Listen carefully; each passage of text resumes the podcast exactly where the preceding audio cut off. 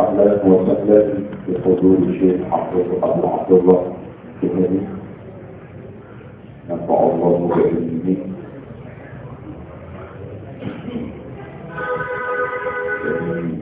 يحضرون أسبوعيا في هذه الفرقة هذه الفترة فهؤلاء يأتون من أماكن شتى ولكن بسبب الأوصار يحل الخطر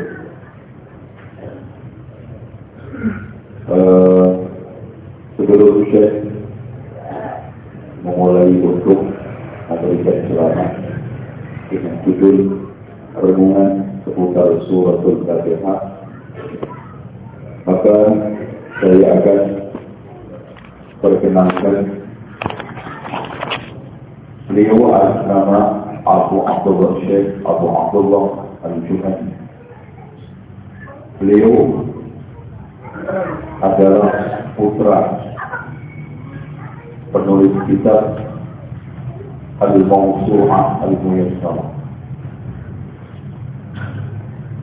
Satu kitab yang sangat berharga sampai sekarang belum ada yang bisa menandingi pokoknya. Itu Dr. Syekh Dr. Manih Al-Juhani. Ini adalah orang tua beliau. Dan beliau sekarang memiliki banyak kegiatan di antaranya sebagai pengajar atau dosen di Universitas Muhammad Ibn Su'ud untuk pasca sarjana. Beliau mendapatkan gelar RA eh, eh, S2 dan sekarang sedang menyelesaikan S3 dan insya Allah sebentar lagi akan selesai. Ada pun kegiatan lain eh, yang perlu lakukan menjadi anggota kehormatan untuk An-Nadwa Al-Anakul Islam bagian negara Afrika. Dan beliau juga memiliki kegiatan aktif untuk menyebarkan dakwah dengan bahasa Inggris di kalangan orang-orang yang baru masuk Islam baik dari Asia dan Eropa yang masuk Islam di Saudi. Inilah seputar masalah beberapa beliau. Walau نعطي المجال لشيء يتحدث عن عن تأملات حول سورة الفاتحة وعليه فليتفضل مشكورا. بسم الله الرحمن الرحيم. الحمد لله رب العالمين. وأصلي وأسلم على المبعوث رحمة للعالمين نبينا محمد وعلى آله وصحبه وسلم تسليما كثيرا وبعد. آه، يطيب لي أن أكون بينكم آه، في هذا اللقاء آه، الدائم راجيا من الله سبحانه وتعالى أن يتقبل منا ومنكم صالح العمل وأن يعيننا في أن نخلص النية له سبحانه وتعالى حيث القبول بإذنه تعالى. ثم أردت أن أتحدث معكم قليلا بدقائق معدودة حول سورة نرددها كثيرا. ونقرأها في صلاتنا وفي خارج الصلوات وأحيانا نعلمها الصغار ونقرأها على الكبار ونرددها كثيرا ولكن قلما نستوعب ما نقرأ وما نكرر في هذه الصورة حيث أن لو استوعبنا أو فهمنا بعضا من مقاصد هذه السورة العظيمة التي هي أعظم سورة نزلت على النبي صلى الله عليه وسلم لكان لها أثر البالغ في أنفسنا وفي حياتنا وفي مواجهة الانخرام الذي نواجهه في هذا الزمن منذ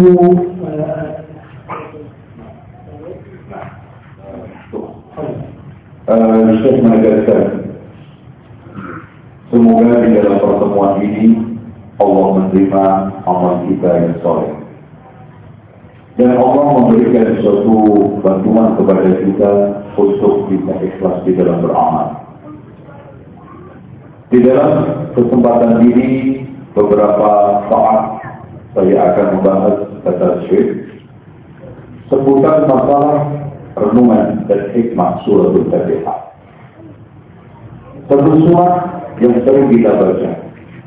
Satu surat yang berulang-ulang kita lanjutkan di dalam sholat dan di luar sholat. Bahkan kita ajarkan kepada orang dewasa dan anak kecil. Namun yang kita sayangkan banyak orang yang membaca dari surat Al-Fatihah tepat tetapi tidak menemukan maksud dan tujuan membaca surat tersebut. Tidak memahami kandungannya kurang bisa mencerna hikmahnya. Pada hadirin sekalian, kata beliau, kalau seandainya seorang yang membaca Al-Quran mampu menyelami kedalaman surah Al-Fatihah, dia akan bisa mengalami bahasa kehidupan, menghadapi berbagai macam problem hidup dengan baik. في خضم ما نراه من تأثيرات خارجية على العالم الإسلامي وعلى المسلمين أفرادا وجماعات يتأمل الشخص هذه التأثيرات ويرجع ويقول أين المخرج؟ أين الطريق؟ فعلى سبيل المثال منذ يوم أو يومين ودعنا ظاهرة عالمية قد شاركت فيها جميع دول العالم وجميع البشر وهي ظاهرة ما يسمى برأس السنة أو ما قبلها وهو عيد النصارى الذي يؤمنون أنه مولد عيسى عليه السلام ويشارك فيها المسلمون مشاركة فعالة علما أن نعلم أن آه، المسلمون ليس لهم إلا عيد الأضحى عيد الجبل وعيد الأضحى. آه، مما يتضح أن هناك ذوبان آه، أو اتباع بأحد الكتاب كما حذرنا النبي صلى الله عليه وسلم؟ من الوقوع فيه وأنه سيحصل سيحدث ولكن ما هو المخرج من هذا؟ هذا السؤال آه هذا الذي ينبغي أن نطرحه ونحاول أن نجيب عليه اليوم آه بشكل جزئي. شيخ Sikap kita renungan yang pertama kali kata Syekh. Kenapa umat Islam ini gampang dan mudah terpengaruh dengan pengaruh-pengaruh luar. Baik secara individu maupun jemaah, yaitu secara kolektif. Kenapa ini semua terjadi? Coba dari bayangkan kata Syekh, bagaimana umat Islam bisa dengan sukaria merayakan tahun baru dan merayakan rendah acara atau hari raya Kristen. Kenapa umat Islam begitu mendukung, begitu kuat hubungannya, dan begitu melimpah berbagai macam dana dan juga potensi yang mereka keluarkan untuk merayakan itu semua. Padahal umat Islam tidak memiliki hari raya kekuriduan, yaitu Idul Fitri dan Idul Adha. Ini semuanya pasti umat Islam sudah uh, melebur. Umat Islam sudah kehilangan dari diri.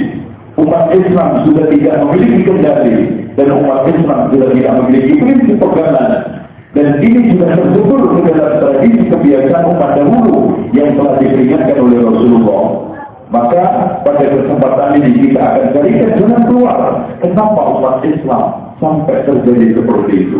Kenapa umat Islam sekarang ini melebur? Kenapa umat Islam kehilangan dari diri? Insya Allah mudah-mudahan bisa memberikan satu jawaban. الجواب بكل بساطة عن هذا السؤال هو العودة إلى هذا الدين الحديث آه، العودة إلى الصراط المستقيم الذي نحن نطلبه وندعو الله سبحانه وتعالى أن يهدينا إليه في صلواتنا حين نتلو هذه السورة العظيمة في قوله تعالى اهدنا الصراط المستقيم. أي آه اللهم آه اهدنا إلى الإسلام آه وتعاليمه والطريق الذي يجب أن نسلكه كما فسره كثير من العلماء أن الصراط المستقيم هو دين الإسلام بجميع تعاليمه. بأركان الإسلام الخمسة بأركان الإيمان الستة بدرجة الإحسان كل هو داخل في الإسلام هو الصراط المستقيم الذي مثل الله سبحانه وتعالى في صلاتنا أن يهدينا إليه. لما آه، السؤال أو آه، دعاءنا آه، لله سبحانه وتعالى دعاء المسألة هنا بأن يهدينا سبحانه وتعالى إلى الصراط المستقيم هل إحنا مسلمين؟ فلا ولكن المسلم يبقى في ابتلاء مستمر يفتن يختبر يبقى المسلم في حاجة إلى أن يتعلم دينه ويرتقي في هذا الدين آه، تعلما وعملا وتعليما. فهنا الهداية لا غنى للمسلم عنها آه، على الإطلاق ويسألها من الله سبحانه وتعالى تكرارا ومرارا حتى أن تشمله هداية الله سبحانه وتعالى وهو الموفق بلا شك. Saya menegaskan jawaban dari itu semua supaya umat Islam tidak terpengaruh dengan berbagai macam ras dan juga berbagai macam intrik-intrik pengaruh dari kebiasaan luar. Meniru berbagai macam tradisi serta ajaran lain. Dan umat Islam tidak melebur ke dalam berbagai macam sistem dan berbagai macam ajaran-ajaran lain, maka tidak ada jawaban yang paling tepat kembali kepada Idul Islam. Kembali kepada jalan yang lurus. Dan tidak ada makna lain dari jalan yang lurus yang dimaksudkan di dalam firman Allah, Ihdinas siratal mustaqim melainkan Islam. Yang dimaksud Islam di sini adalah Islam yang mencakup seluruh ajarannya, rukunnya, hukumnya, akidahnya dan akhlaknya. Tanpa kita sekarang ini pilih-pilih. Kalau umat Islam kembali kepada dinul Islam seperti yang telah dimaksudkan di dalam Al-Quran dan Sunnah kembali kepada ajaran Islam bukan palsian tapi seluruhnya insya Allah umat Islam akan bisa keluar dari jalan dari dari fitnah tersebut. Allah Subhanahu wa taala menganjurkan kita berdoa dan doa ini merupakan doa permintaan. Ya Allah tunjukkanlah kami kepada jalan yang lurus. Dan yang dimaksud jalan yang lurus adalah Islam. Dan yang dimaksudkan Islam adalah seluruh ajarannya yang mencakup dari mulai akidah, akhlak, hukum, muamalah maka insya Allah umat Islam akan bisa keluar dari fitnah dan mendapatkan dari jalan keluar dari berbagai macam uh, uh, gangguan dan berbagai macam uh, kesesatan dan meniru agama lain. Oleh karena itu, kenapa umat Islam selalu menghadapi fitnah? Kenapa umat Islam ini selalu terisolir? Kenapa umat Islam tidak memiliki izzah? Kenapa umat Islam selalu terpojokkan, terbina? Ini semua akibat suatu, yaitu karena mereka meninggalkan dinul Islam. Meninggalkan ajaran Islam dalam makna yang komprehensif lengkap. Oleh karena itu, tidak ada seorang pun yang merasa tidak butuh terhadap bidaya Tidak merasa, eh, tidak ada seorang pun yang merasa tidak perlu terhadap permintaan intinas suratul mustaqim yaitu agar kita dibimbing oleh Allah, diarahkan oleh Allah kepada jalan lurus yaitu Islam dalam makna yang sempurna, yang lengkap, yang mencakup seluruhnya. ورمضان أن تؤتي هذه هذه المسألة أو هذا الدعاء تقبله بإذن الله قد هدانا الله سبحانه وتعالى إلى منهج محمدي لو تأملنا في تعاليم الإسلام لوجدنا أنه مليء في المواسم التي تذكرنا وتعيدنا إلى الغفلة وإلى النسيان إلى سبب الوجود والحكمة من الخلق وهي عبادة الله سبحانه وتعالى وحده. وأن يكون الإنسان على تقى وعلى دراية وعلى وعي كامل بهذه الحكمة وأن يسعى لمرضاة الله سبحانه وتعالى. وأعطي أمثلة على هذا الأمر كي يتضح المقام. على سبيل المثال كلنا نعلم ما يؤثر فيه أو فينا شهر رمضان كلنا نعلم كيف نصبح الواحد منا في شهر رمضان أقرب إلى الله سبحانه وتعالى آه، من غيره من الشهور. في فترة الحج أيضا موسم آخر آه، حين ترى الحجاج والمسلمين عموما آه، يلبون ويخللون ويسبحون ويذكرون الله كثيرا. كل هذا عائد إلى هذه المواسم المتنوعة.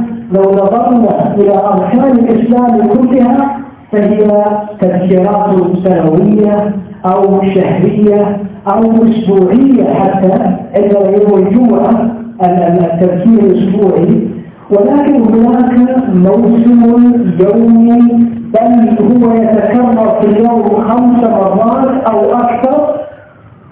ونكاد نكون أغفل ما نكون عن هذا الموسم العظيم وهو حين أن يدخل المسلم في مناجاته مع ربه في صلاته.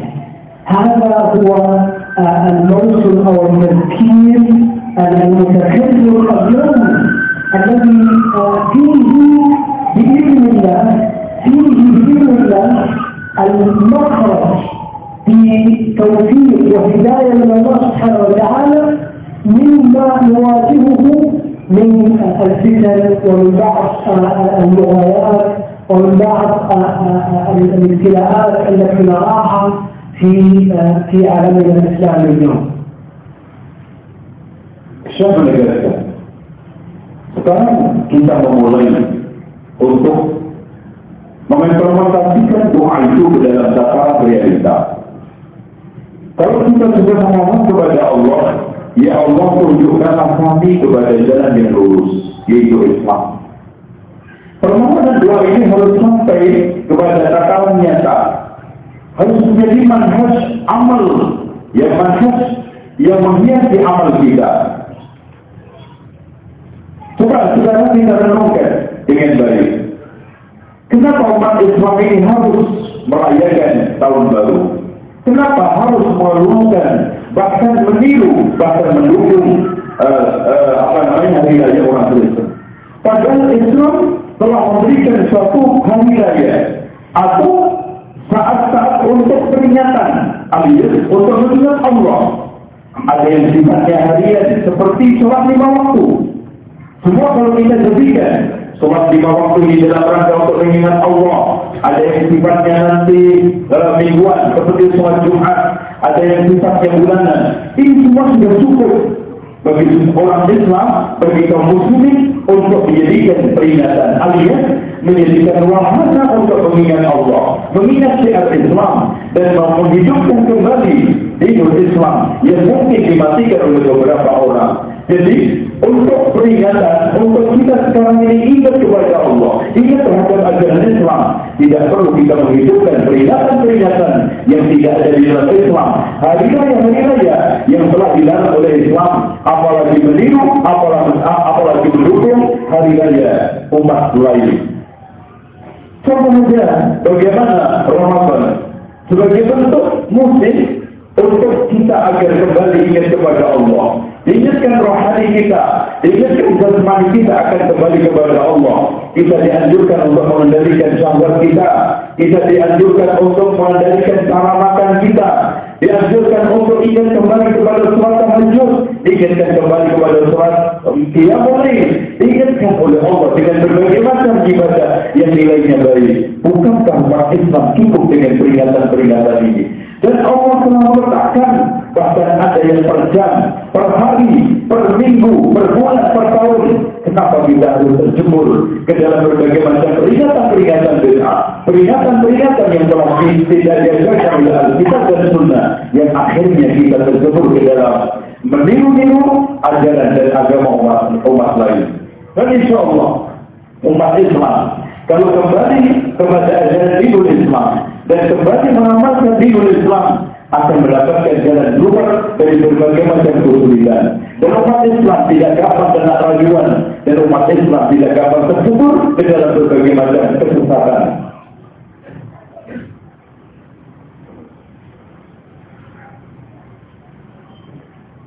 هذا المنطلق يمكننا أن نقول أن الهداية هي بلا شك من عند الله سبحانه وتعالى ونسألها من الله سبحانه وتعالى. ثم قد تبين لنا أن هناك طريق عملي لا بد من اتباعه ليحفظ المسلم في ماله وفي ولده وفي آه، حياته آه، ولا يتأثر وإن تأثر قليلا حفظ وعاد ورجع بإذن الله مما يحدث حوله في هذا العالم المتخصص لو نظرنا بمثال الصلاة على سبيل المثال. هذا المنهج الرباني الذي إذا تبعه المسلم وجد الطمأنينة وجد السكينة وجد الراحة والقدرة على مواجهة ما يواجه في هذه الحياة بعون من الله سبحانه وتعالى ثم ما نجده من شحنة إيمانية في هذه الصلاة. لا سيما اسمها الصلاة هي الصلة هي الصلة التي بين العبد وربه. إذا من أراد أن تكون هذه الصلة صلة قوية ومتينة ومترابطة ومستمرة فليحرص على أن يهتم بهذه الصلاة. وسأضرب مثالا أو أتحدث قليلا حقيقة إن أذنتم لي في جانب واحد من جوانب الصلاة التي كلنا نعرفها ولكن هل حقا نعرفها حق المعرفة؟ لو قلنا هل نفهم حقا هذا الجانب وهو جانب قراءة سورة الفاتحة. لما خصت هذه السورة من غيرها من سور القرآن؟ بأن تكون هي التي تكرر ركنا في كل ركعة من كل صلاة حتى في صلوات النافلة حتى في النوافل لا بد من قراءة الفاتحة. آه، آه، آه، وكما قال النبي صلى الله عليه وسلم لا صلاة لمن لم يقرأ بفاتحة الكتاب أو بأم الكتاب ولها أسماء عديدة هي الفاتحة. هي الشافية هي أم الكتاب هي السبع المثاني هي الحمد لله رب العالمين. سميت بأسماء عديدة بمكانتها وأهميتها. ومن المعروف في سور القرآن إذا تعدد أسماء السور فهو دليل على مكانة هذه السورة العظيمة. Saya menegaskan, kalau memang permintaan hidayah kepada Allah harus kita pindah kepada tatanan realita, maka hidayah itu bertumbuh di dalam pelaksanaan ibadah-ibadah kita. Yang yang paling terpenting adalah sholat. Kita semua telah melaksanakan sholat. Sholat merupakan suatu syariat dan ibadah yang unik. Sholat mengandung kesehatan, sholat mengandung ketenangan, sholat mengandung kemakninan, sholat memberikan suatu uh, apa namanya kemampuan seorang untuk memimpin di mampu menghadapi berbagai macam tantangan rintangan dan problematika hidup. Oleh karena bahkan sholat merupakan satu penghubung antara Allah dengan Rohnya. Oleh karena itu di sini kita semua tahu sholat, tapi apakah di antara kita sudah merasakan nikmatnya sholat? Kita semua telah melaksanakan sholat. Apakah ruh dan sholat yang kita lakukan sudah kita jiwai? Ada suatu hal yang perlu kita bicarakan di antara sekian hal yang terkait dengan sholat, yaitu bacaan kita terhadap surah Al-Fatihah. Pada saat sholat, ini merupakan suatu hal yang penting. Bahkan berkali-kali dibaca, berulang-ulang dibaca, menunjukkan itu pentingnya suatu masalah. Tidak ada sesuatu di dalam agama Terutama perintah Allah diulang-ulang nggak penting. Pentingnya sholat diulang-ulang bukan hanya di sholat yang wajib, bahkan sunnah. Sholat wajib dan sunnah diperintahkan. Bahkan Rasulullah SAW menegaskan tidak ada sholat bagi orang yang tidak membaca surat Al-Fatihah. Dan pemberian nama surat Al-Fatihah yang begitu banyak diberi nama oleh Allah Ukul Quran, diukur kita Al-Fatihah menunjukkan banyaknya fadilah dan banyaknya keutamaan karena tidaklah Allah Subhanahu wa taala memberikan suatu nama-nama surah di dalam Al-Qur'an yang sangat banyak sekali melainkan karena banyaknya keutamaan, banyaknya keistimewaan dan banyaknya kelebihan dan itulah yang ada di dalam surah Al-Fatihah. وهي سميت الفاتحة كما ذكر العلماء لأنها بها يفتتح القرآن إذا فتحت القرآن فهي أول سورة هي الفاتحة. وقالوا الفاتحة لأن بها تستفتح الصلاة. بها تستفتح الصلاة. سميت أم الكتاب. أي أن كل ما في القرآن عموما وجد في هذه السورة.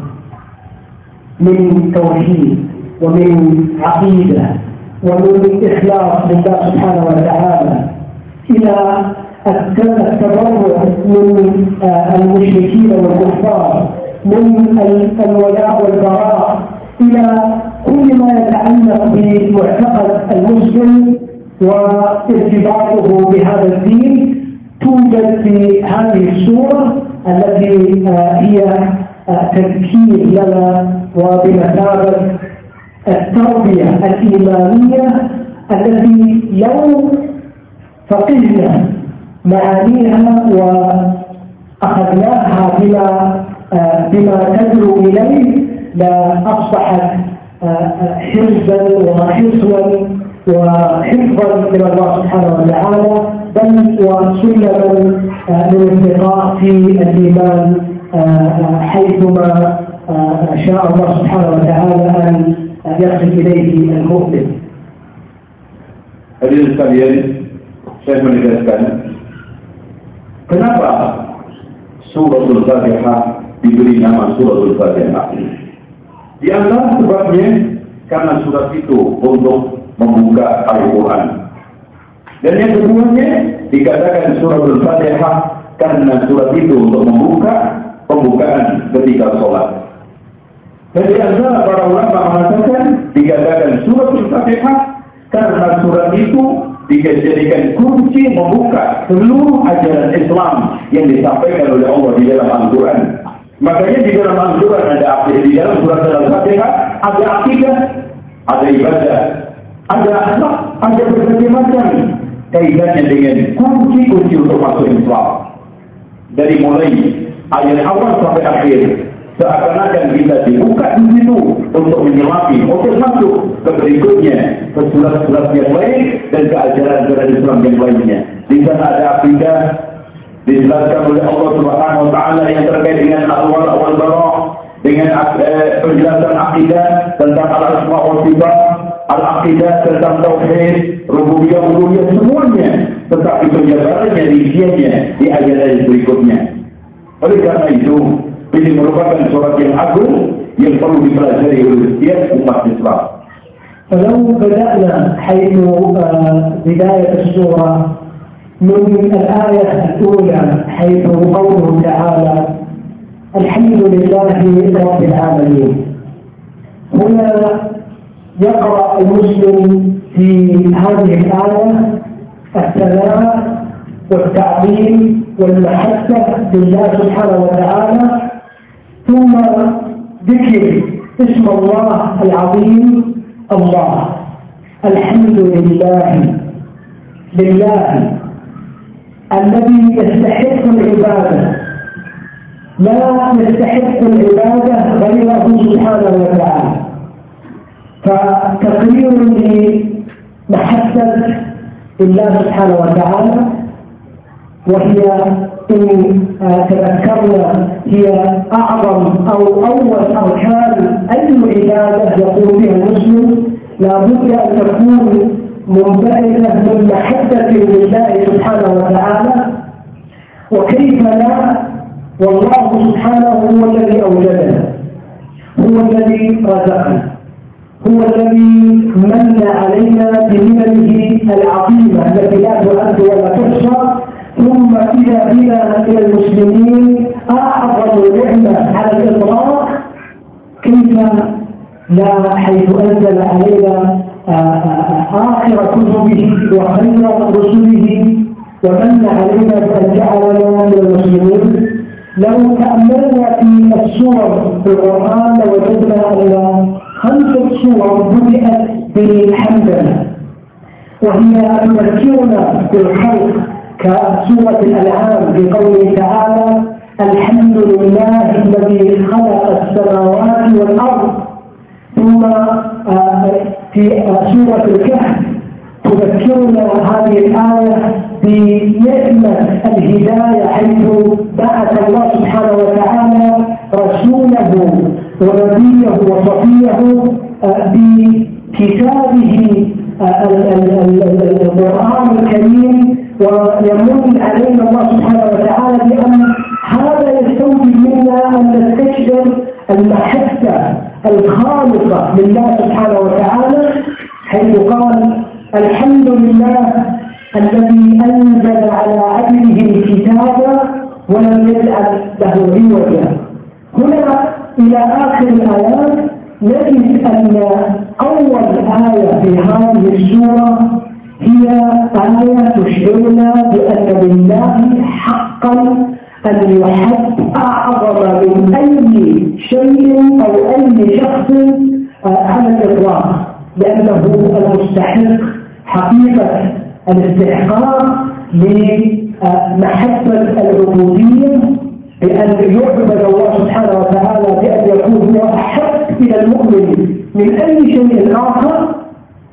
والذين آمنوا أشد حبا لله. والذين آمنوا أشد حبا لله. كثير من الناس من يتخذ من دون الله أندادا يحبونه ممن يحب الكرة ومنهم من يحب السياسة ومنهم من يحب التجارة ومنهم من يحب هذا وذاك. ولكن المؤمن هو أشد حبا وتعظيما لله سبحانه وتعالى. Saya menegaskan, kita memulai dari ayat pertama. Alhamdulillahirrahmanirrahim. Memberikan satu makna kita memuji Allah, menyanjung Allah. Yang sambungan itu menumbuhkan suatu kecintaan.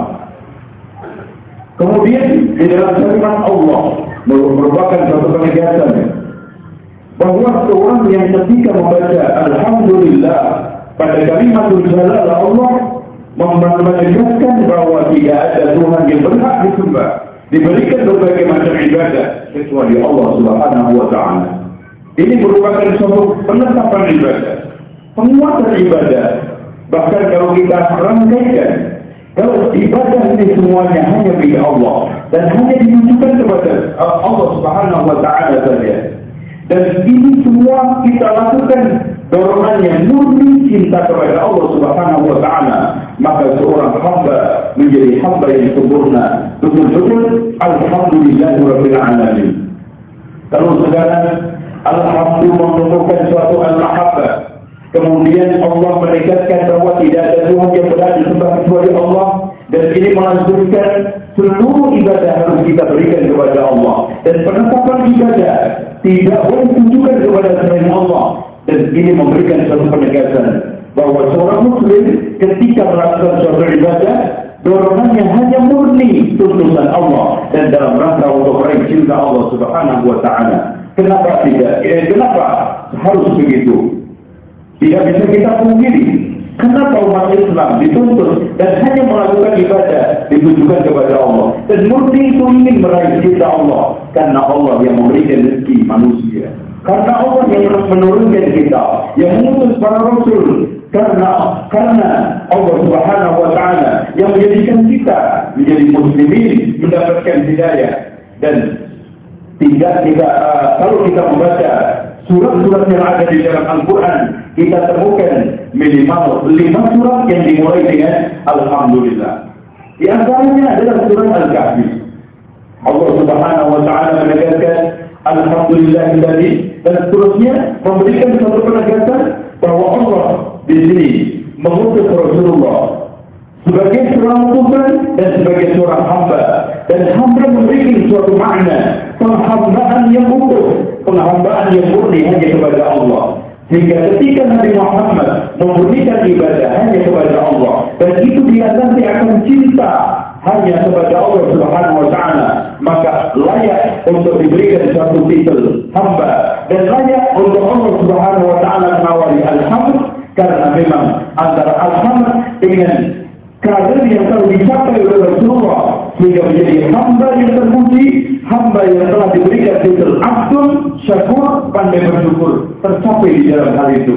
Dengan demikian hadirin sekalian, seorang ketika melakukan ibadah hendaknya merasa bahwa dia sedang menunaikan ibadah dan dorongan ibadah itu hanya cinta kepada Allah Subhanahu wa taala dan kita tidak boleh menunjukkan ibadah hanya untuk Allah Subhanahu wa taala saja dan kita harus yakin bahwa tidak ada Tuhan-Tuhan selain Allah yang berhak menerima ibadah sekecil apa pun.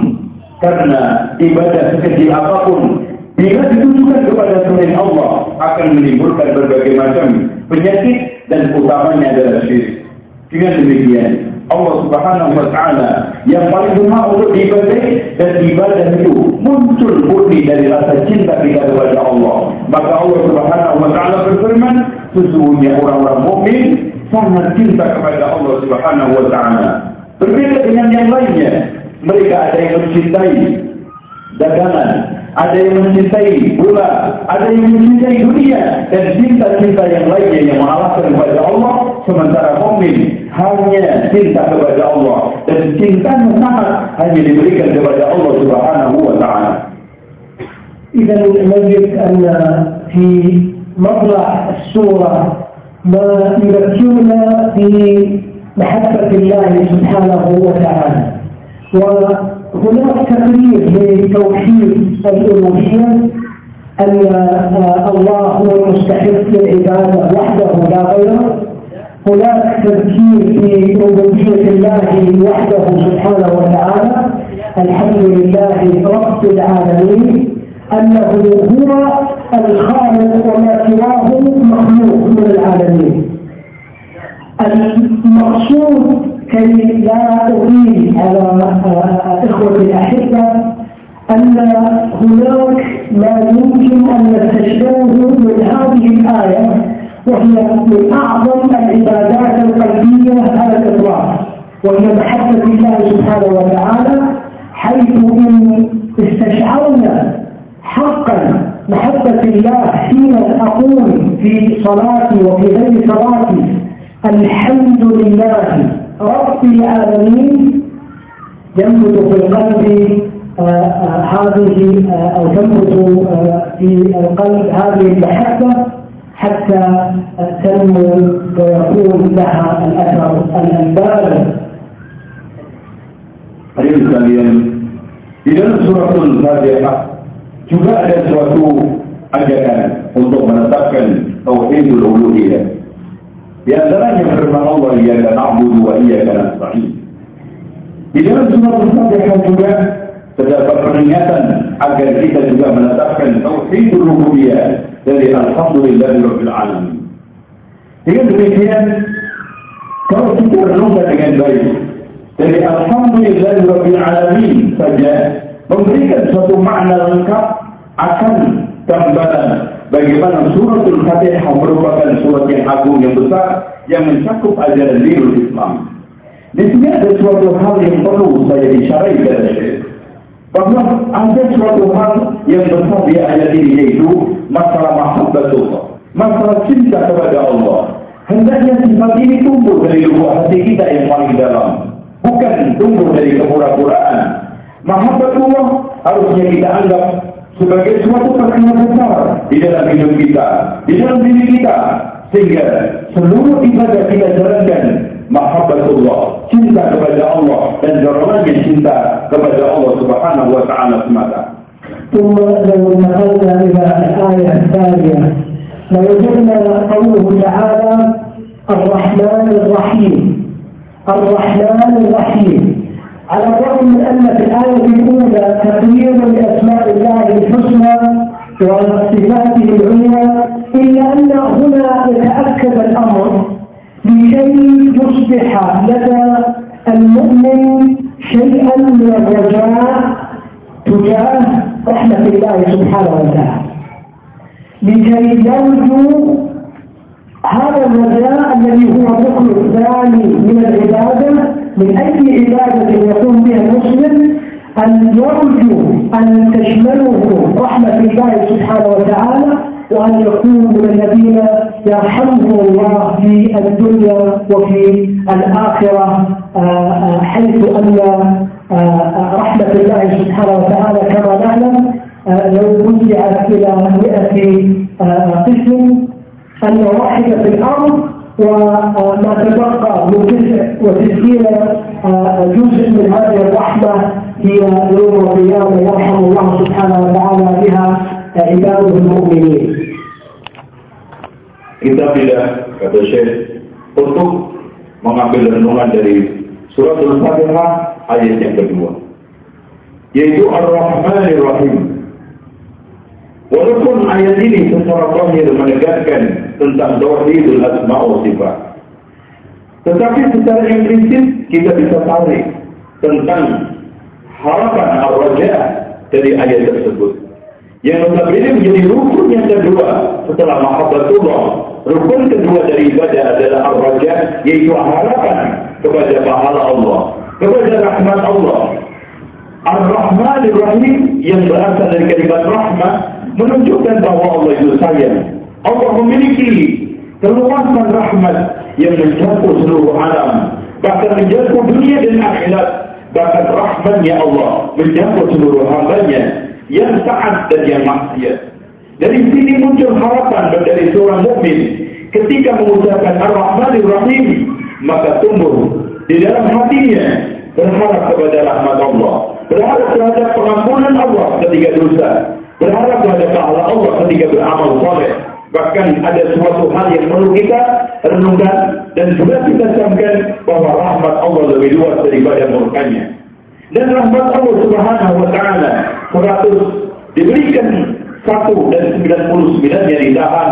Coba bayangkan bagaimana kalau sekarang kita merasakan yang 99. Sementara kita merasakan yang satu saja, Subhanallah, Allah ini berbagi kasih sayang, berbagi nikmat, bahkan kita mendapatkan berbagai macam limpahan barokah karena sayang satu itu. Bagaimana kalau kita merasakan lebihnya yang nanti di akhirat? Ini adalah suatu harapan, menumbuhkan suatu harapan semangat seorang muslim untuk menatap masa depan untuk tidak frustasi menghadapi berbagai macam masalah.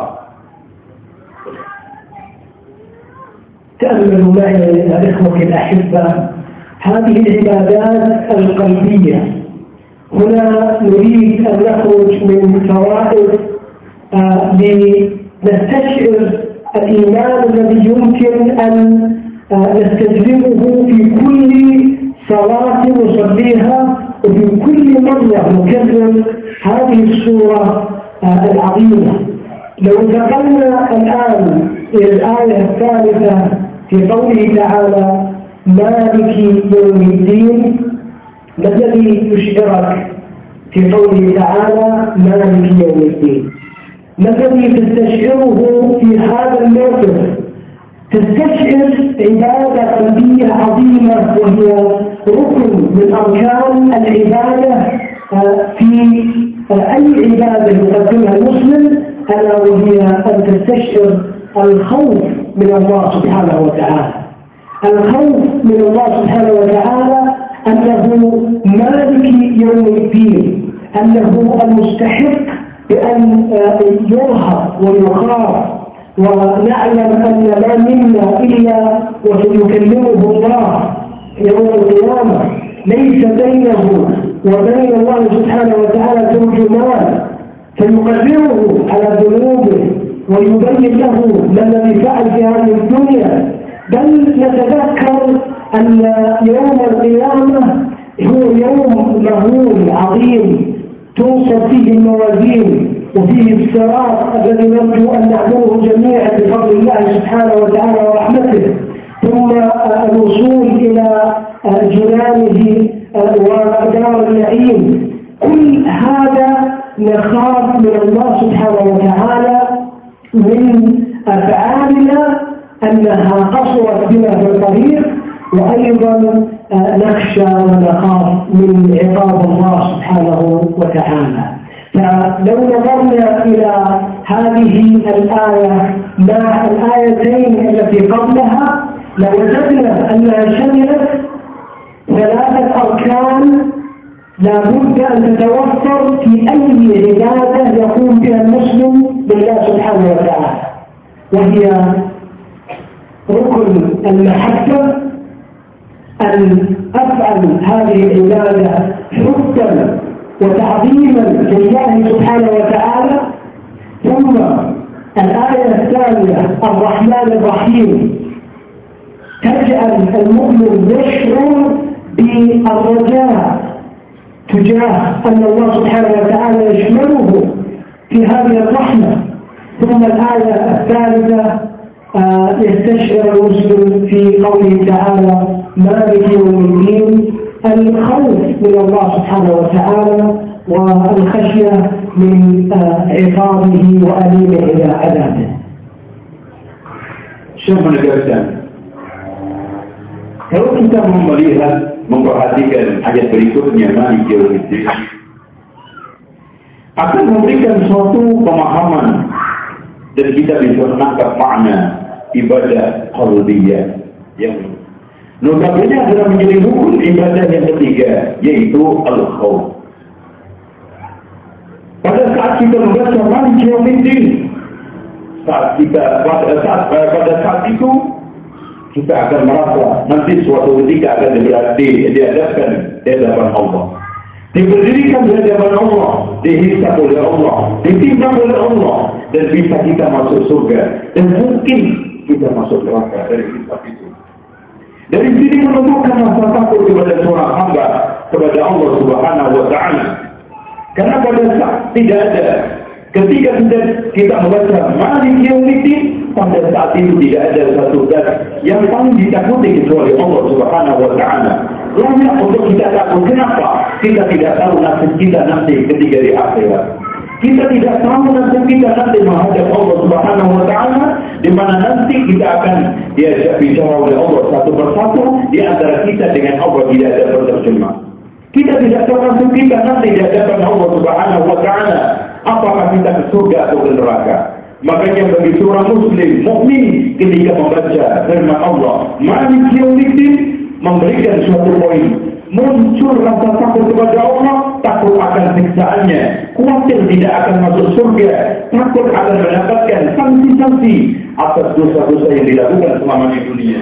Inilah sehingga kalau kita tangkap dari ayat pertama, Alhamdulillahirabbil alamin, Ar-Rahmanir Rahim, Malik Yaumiddin, memberikan satu potensi dasar syariat rukun ibadah tiga.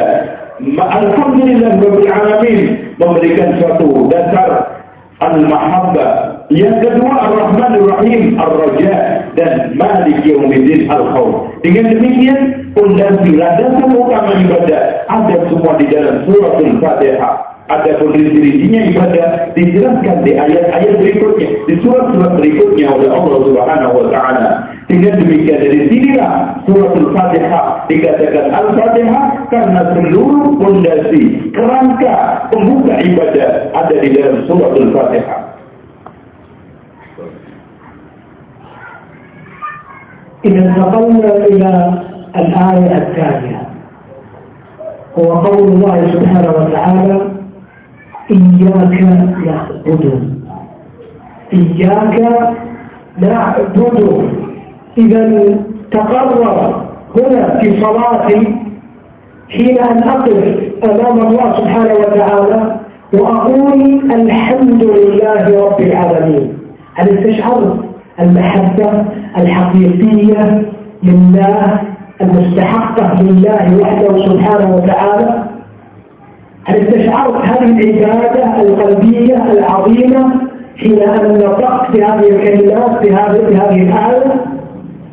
حين أن قلت الرحمن الرحيم هل رجوت رحمة الله سبحانه وتعالى؟ وأن تكون من الذين شملهم الله في هذه الرحمة في الدنيا وفي الآخرة؟ هل حين قلت مالك يوم الدين استشعرت بالخوف من عقاب الله سبحانه وتعالى؟ لكي أستمر وانتقل إلى الآية الثانية فاقل إياك نعبد. ثلاثة أركان للعبادة. المحبة الرجاء الخوف. هل استشعرتها؟ هل وجدت في وجداني وكياني وأنا أتلو هذه الآيات أو أسمعها من الإيمان؟ ثم إذا تلونا إياك نعبد. تصبح العبادة هذه متكاملة الأركان؟ هل هذا موجود؟ فإن وجد هذا فوالله سيوجد أثرها في القلب وفي النفس وفي حياتنا اليومية. فهي شحنة من الإيمان الذي لا يوازيه شحنة تجعل للمؤمن القدرة على أن على أن يواجه ما يواجهه من فتن وبلايا. وقوله تعالى إن الصلاة تنهى عن الفحشاء والمنكر. إذا أديت الأداء الصحيح وهذا جزء من أدائها الصحيح فهنا إياك نعبد. إن تمكنا من الاستشعار بهذه الأركان الثلاثة حققنا الأركان المطلوبة في العبودية القلبية لله سبحانه وتعالى ثم أيضا إذا استشعرنا هذا كما قال ابن تيمية فهي علاج للرياء. فهي علاج للرياء. أليس الرياء هو الشرك الذي خشي عليه النبي صلى الله عليه وسلم منه أن لا يسلم منه أحد؟ أليس هو الذي نحاربه في أن نكمل ونجعل توحيدنا وإخلاصنا لله سبحانه وتعالى أكمل ما يمكن؟ هو هنا علاجها حيث نقول ونكرر إياك نعبد أي لا نرائي في عبادتك أي لا نشرك بك أحدا بل إياك وحدك نعبد سبحانك جل في علاه Hadirin sekalian, saya berbeda menegaskan tafsir iya dan ahlu. Ia kena dulu merupakan suatu penegasan yang sangat indah. Setelah kita tegaskan Alhamdulillahirrahmanirrahim Ar-Rahmanirrahim Malik Yawmiddin Sekarang yang menjadi pertanyaan pada saat kita membaca Alhamdulillahirrahmanirrahim Apakah perasaan Al-Mahabbah itu sudah hadir di dalam hati kita? Sehingga menjadi rukun ibadah yang kita laksanakan terutama sholat. Dan pada saat kita membaca Ar-Rahmanir-Rahim, sudah belum harapan itu tumbuh di dalam hati kita. Menjiwai hati kita, kemudian menjiwai sholat dan ibadah-ibadah yang lainnya. Dan pada saat kita membaca Malik Yawmiddin, hadirkah, sudahkah kita rasakan perasaan takut menyelimuti hati kita, perasaan kita. Kalau memang itu sudah terwujud, terrealisasi dengan baik di dalam diri kita saat kita ibadah, terutama menunaikan sholat, maka dikuatkan iya karena abudu. Ketegasan setelah terwujudnya rukun, setelah ditemukan rukun itu fakta dalam kehidupan kita, dalam hati perasaan kita, bukan hanya teori dalam kertas, tapi betul-betul mahabbah mendalam di dalam hati kita. Harapan menjadi suatu bagian perasaan kita dan kau menghiasi dan menjadi motif diri kita maka ibadah kita pasti akan membuahkan suatu hasil ibadah kita akan hadir sempurna dan ibadah kita akan diterima oleh Allah maka kita kuatkan iya karena butuh enak sekali kalau ibadah itu hadir dengan baik kita laksanakan betul-betul sempurna hasilnya, maka tidak mungkin tidak menghasilkan suatu hasil. Makanya Allah mengatakan, Inna sholat dan 'anil fahsya'i munkar. Kapan sholat itu bisa mencegah perbuatan keji dan munkar? Setelah ibadah itu dijiwai, dilandasi rukun benar-benar bukan hanya teori. Al-mahabbah hadir di dalam sholat kita. Al-raja menghiasi sholat kita dan khauf menjadi bagian sholat kita. Ia kena butuh menegakkan satu hal yang telah dilakukan oleh Rasulullah atau yaitu ria. Berarti kalau sudah iya kena butuh menafikan ria, yaitu syirik yang ditakuti oleh Rasulullah SAW akan menimpa umatnya. Kalau sudah di dalam ibadah kita sepi dari syirik, tidak ada unsur ria, ikhlas hanya kepada Allah, pasti akan membuahkan suatu hasil yang sangat memuaskan, hasil yang sangat menggiurkan, hasil yang spektakuler.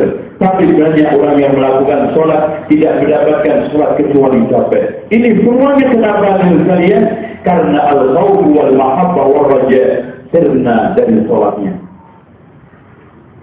يقول ابن تيمية رحمه الله أن إياك نعبد هي دفع للرياء وإياك نستعين هي دفع للعجب يقول آه عز من قائل جل جلاله أفلا يتدبرون القرآن؟ آه وفي آية أخرى أفلا يتدبرون القرآن أم على قلوب أقفالها؟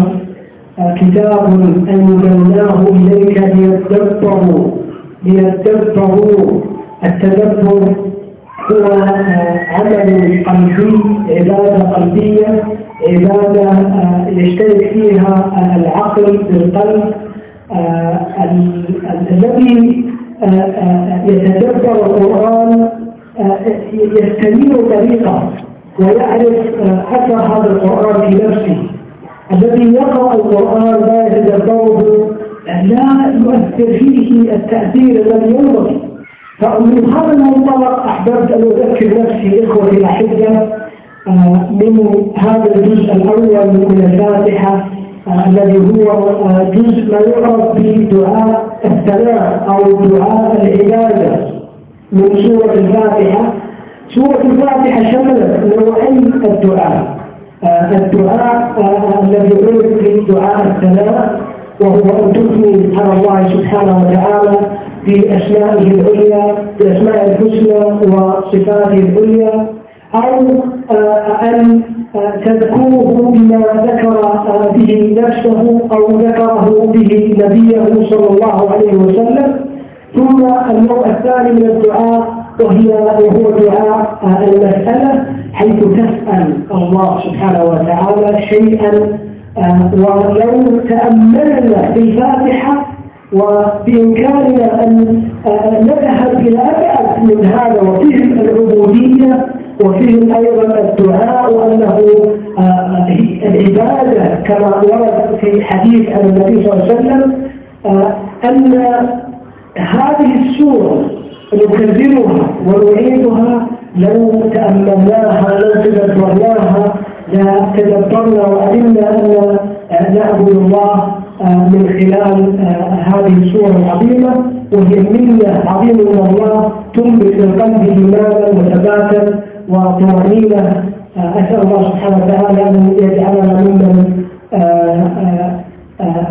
يستفيدون ويتدبرون من آلاته الكريمة. وأن يخصنا بأن نكون من أهله وخاصته هم أهل القرآن وهو خاصة بالله سبحانه وتعالى. ولا أحب أن أطيل عليكم أكثر من هذا. أشكركم على ما تحملتم وصبرتم عليه مني. وما كان صوابا من الله سبحانه وتعالى وما كان من خطأ فمني. أسأل الله سبحانه وتعالى أن يعفو عني ويغفر والسلام عليكم ورحمة الله وبركاته. Di bagian akhir Syekh menegaskan menukil ucapan Ibnu Qayyim yang mengatakan bahwa ia kena butuh memberikan suatu makna realisasi terusurnya sikap pria di dalam hati seorang hamba. Wa iya kena sa'in terusurnya sikap rujuk di dalam seorang hamba. Jadi kalau seorang hamba melakukan ibadah sudah bersih dari dia, dengan penegasan ia kena hudu pembersihan sikap ria dari hatinya. Wa ia kena sa'in pengusiran sikap rujuk dari hatinya, dari dirinya. Maka dia akan ibadah dengan sempurna. Dengan demikian, uh, ada misalnya, Syekh mengajak untuk merenungkan kitab Allah. Ini bagian kecil dari renungan dari firman Allah, dari sekian firman Allah yang ada hanya di dalam surat Al-Fatihah yang Allah Subhanahu wa taala telah perintah memerintahkan kita untuk merenungkan Al-Qur'an.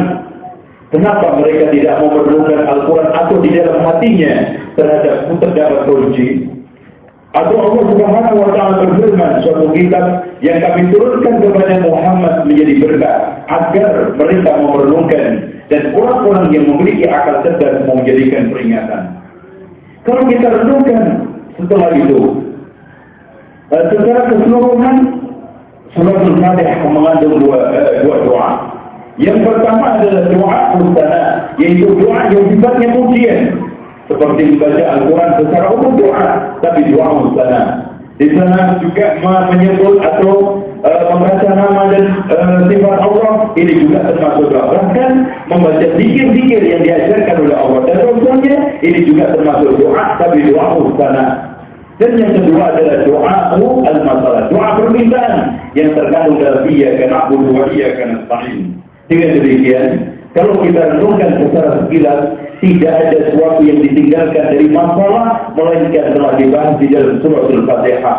Dengan demikian, mudah-mudahan kita bisa merenung dan menjadikan sebagai suatu peringatan dan akhirnya iman kita menjadi kuat dan kita menjadi teguh dan semoga kita dijadikan oleh Allah Subhanahu wa taala Eh, orang-orang khusus Allah dan tidak lain adalah hamba-hamba yang khusus Allah yang dimaksud adalah ahli Quran yaitu orang-orang yang menjaga, memelihara dan menghafalkan Al-Quran dan saya eh, mengucapkan terima kasih kepada Abdul semua yang masih tetap bertahan dan sabar untuk mengikuti taklim ini dan mudah-mudahan bermanfaat eh, ada salahnya ini datang dari pribadi manusia dan ada benarnya datang dari Allah Subhanahu wa taala.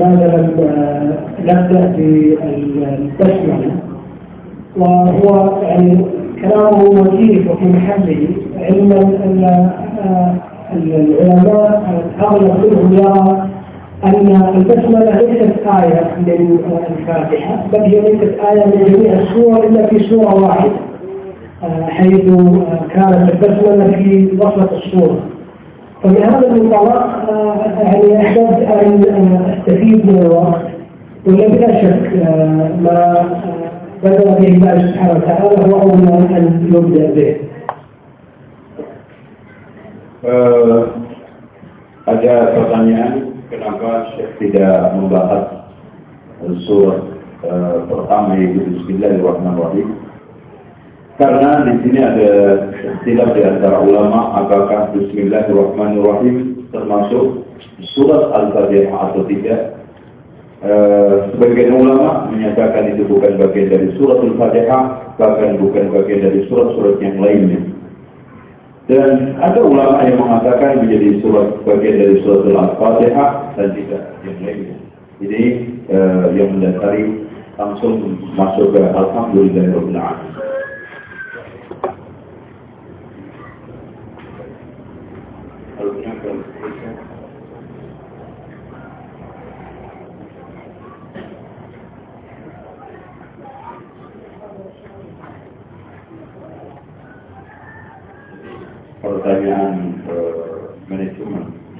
وعلى حال الجواب النقلي كله الان كان عندهم نظام التفكير على وبدأوا أيضا بنظام التعليم عن بعد. التعليم عن بعد عن طريق ما يسمى ب عبر الإنترنت؟ ويدرس المحاضر والطلاب يكونون متواجدين في أي مكان. ولكن الآن هو فقط في المملكة هو في الداخل النية أنهم يتوسعون لعلها تشمل إن شاء الله قريبا يعني بعض الدول الإسلامية إن شاء الله. bagi yang punya keinginan untuk uh, meneruskan apa, pendidikannya ke Timur Tengah, terutama ke Saudi, Riyadh terutama ke universitas yang tempat saya mengajar ini sebetulnya masalah adalah masalah uh, administrasi yang harus dibahas di sini cuma saya menyarankan sana ada cara pendaftaran lewat internet atau ada uh, kuliah terbuka lewat internet dan bisa melalui dua itu uh, kita bisa mengikuti program yang ditawarkan oleh Universitas Muhammad. Bagi yang ingin sekolah ke sana bisa mendaftar uh, lewat berbagai, berbagai macam saluran di antaranya adalah langsung lewat internet.